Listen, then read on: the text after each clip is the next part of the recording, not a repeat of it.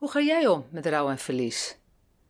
Eén ding is zeker: ook jij krijgt in je leven te maken met rouw en verlies. En bij verlies gaat het niet alleen om mensen die we kwijtraken door overlijden, maar het kan ook gaan om verlies van gezondheid, vriendschap of een relatie. Wil jij weten hoe je het beste om kunt gaan met verlies en wat een goede manier van rouwen is? Luister dan naar deze aflevering.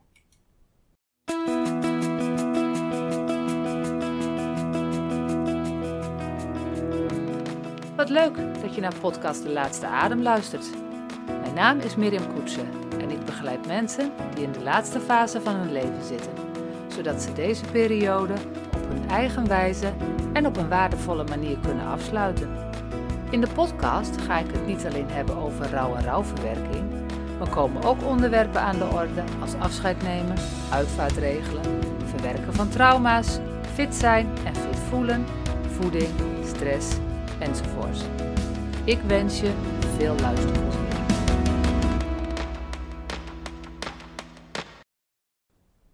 Geconfronteerd worden met rouw en verlies kan gepaard gaan met heftige emoties.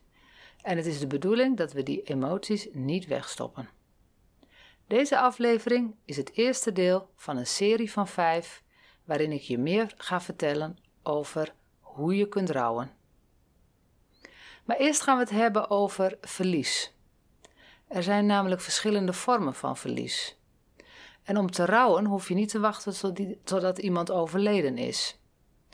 Want verlies kun je ook hebben als er sprake is van verlies van gezondheid of van werk, je relatie, eh, een huisdier, maar ook bijvoorbeeld stilverdriet.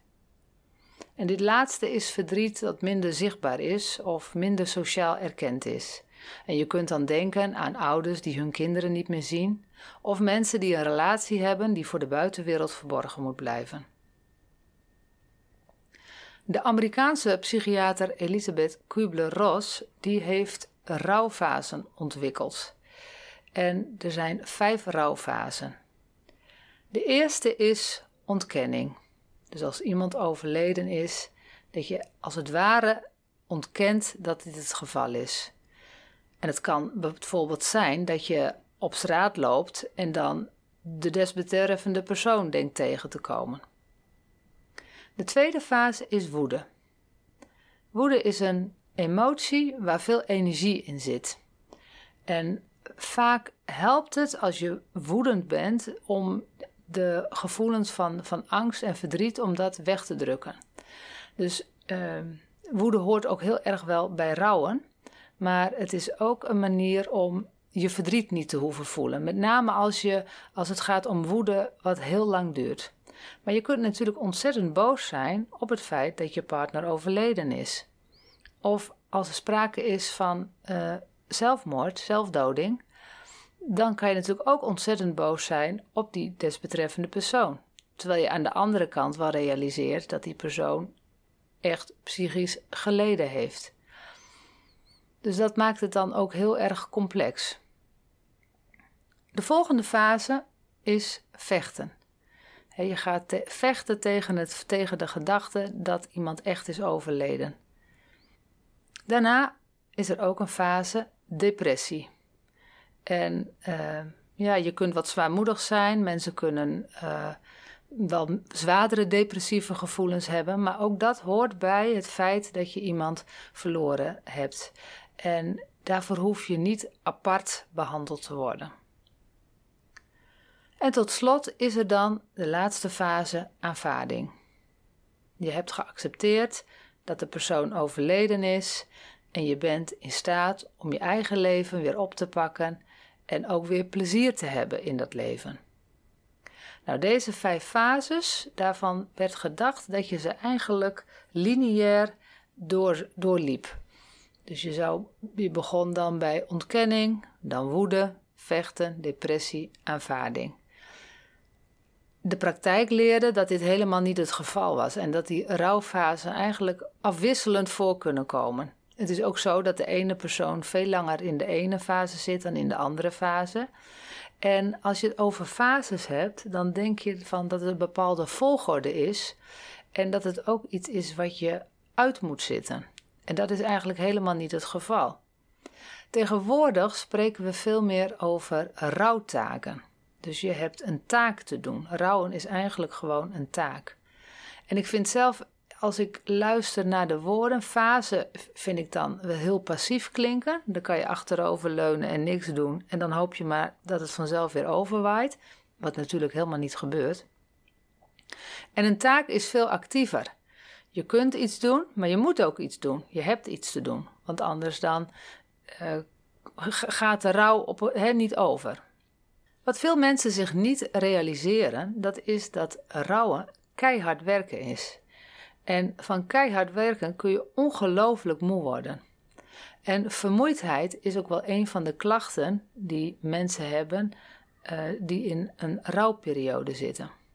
En het kan, uh, vermoeidheid kan ook leiden tot gebrek aan concentratie. Maar ook geen energie hebben om de draad van het leven op te pakken of om klusjes te doen. Misschien is het zelfs al veel te vermoeiend om naar de winkel te gaan. Laat staan contacten hebben met andere mensen in je omgeving.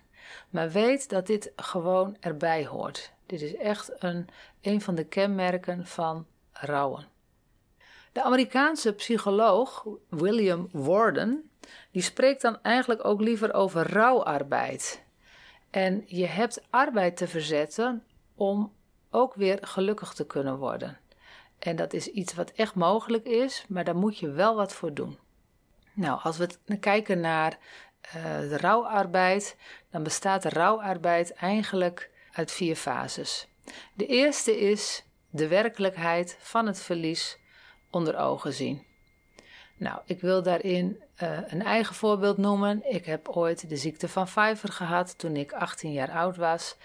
En dat gaat gepaard met een enorme vermoeidheid. En daar had ik echt ook heel veel last van. Ik had ook heel weinig energie. En dat betekende dat ik veel slaap nodig had, eigenlijk continu uitgeput was en amper in staat was om gewoon een dagje gezellig uit te gaan of s'avonds te gaan stappen. En dat resulteerde dan, als we dat dan wel deden, dat ik bij vrienden op de bank in slaap viel voordat we naar de kroeg of naar de discotheek gingen. Maar ja, dat was wel iets wat ik had te accepteren, wat ik onder ogen moest zien. Daar moest ik mee leren leven. Volgende is, uh, de volgende fase, is de pijn van het verlies ervaren.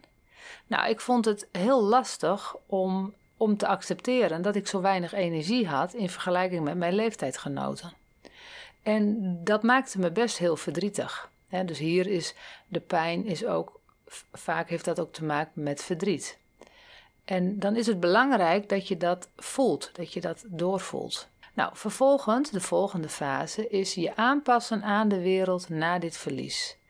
En in mijn geval was het zo dat ik eigenlijk uh, een heel strak regime ontwikkelde van opstaan en naar bed gaan en rustmomenten inbouwde. Nou, dat was voor mij de manier om de dag door te komen. Dus ik paste mijn mogelijkheden aan en mijn energie aan aan wat er op dat moment toen mogelijk was. En uiteindelijk, de laatste fase, is dat je weer leert genieten en eventueel herinneringen bewaren. Nou, in mijn geval gaat het natuurlijk niet zozeer om herinneringen bewaren, alhoewel ik wel leuke herinneringen aan die tijd heb en ik ook absoluut wel heb kunnen genieten. En ik denk dat je wel begrijpt als je zelf iets van verlies hebt geleden, eh, of je bent een persoon kwijtgeraakt, dat je die fases ook wel kunt vertalen naar je eigen persoonlijke situatie. Nou zei ik misschien fasen, maar het zijn natuurlijk taken. Uh, de taken hebben geen vaste volgorde. Dus het, het is niet zo dat je van uh, A naar B naar C naar D moet. Je mag er ook zo lang over doen als nodig is. Er staat geen tijd voor. Dus dat verschilt ook echt van persoon tot persoon. Je doet het in je eigen tempo. En wat heel belangrijk is om te realiseren, dat als je niet goed rouwt, dus als je niet alle taken doorloopt, dat je rouw vast komt te zitten. We noemen dat gestolde rouw. En dan is die rouw aan de, zit onder de oppervlakte en aan de buitenkant lijkt het misschien best dat het goed met je gaat, maar vlak onder die oppervlakte, daar zit nog heel veel verdriet en pijn enzovoort. En ja, daar moet je echt eerst doorheen, wil je daar ook weer van afkomen. Nou, tot zover even voor nu. In de volgende podcast wil ik het met je hebben over de eerste rouwtaak, en dat is de werkelijkheid van het verlies onder ogen zien. Vind je het nou ook leuk om iets te lezen over dit onderwerp? Dan kan ik je de boeken van Manu Kerse aanraden. Hij is een klinisch psycholoog en rouwexpert en hij heeft een aantal boeken over dit onderwerp geschreven. Maar zoals ik zei, in mijn volgende podcast kom ik hier zeker ook op terug.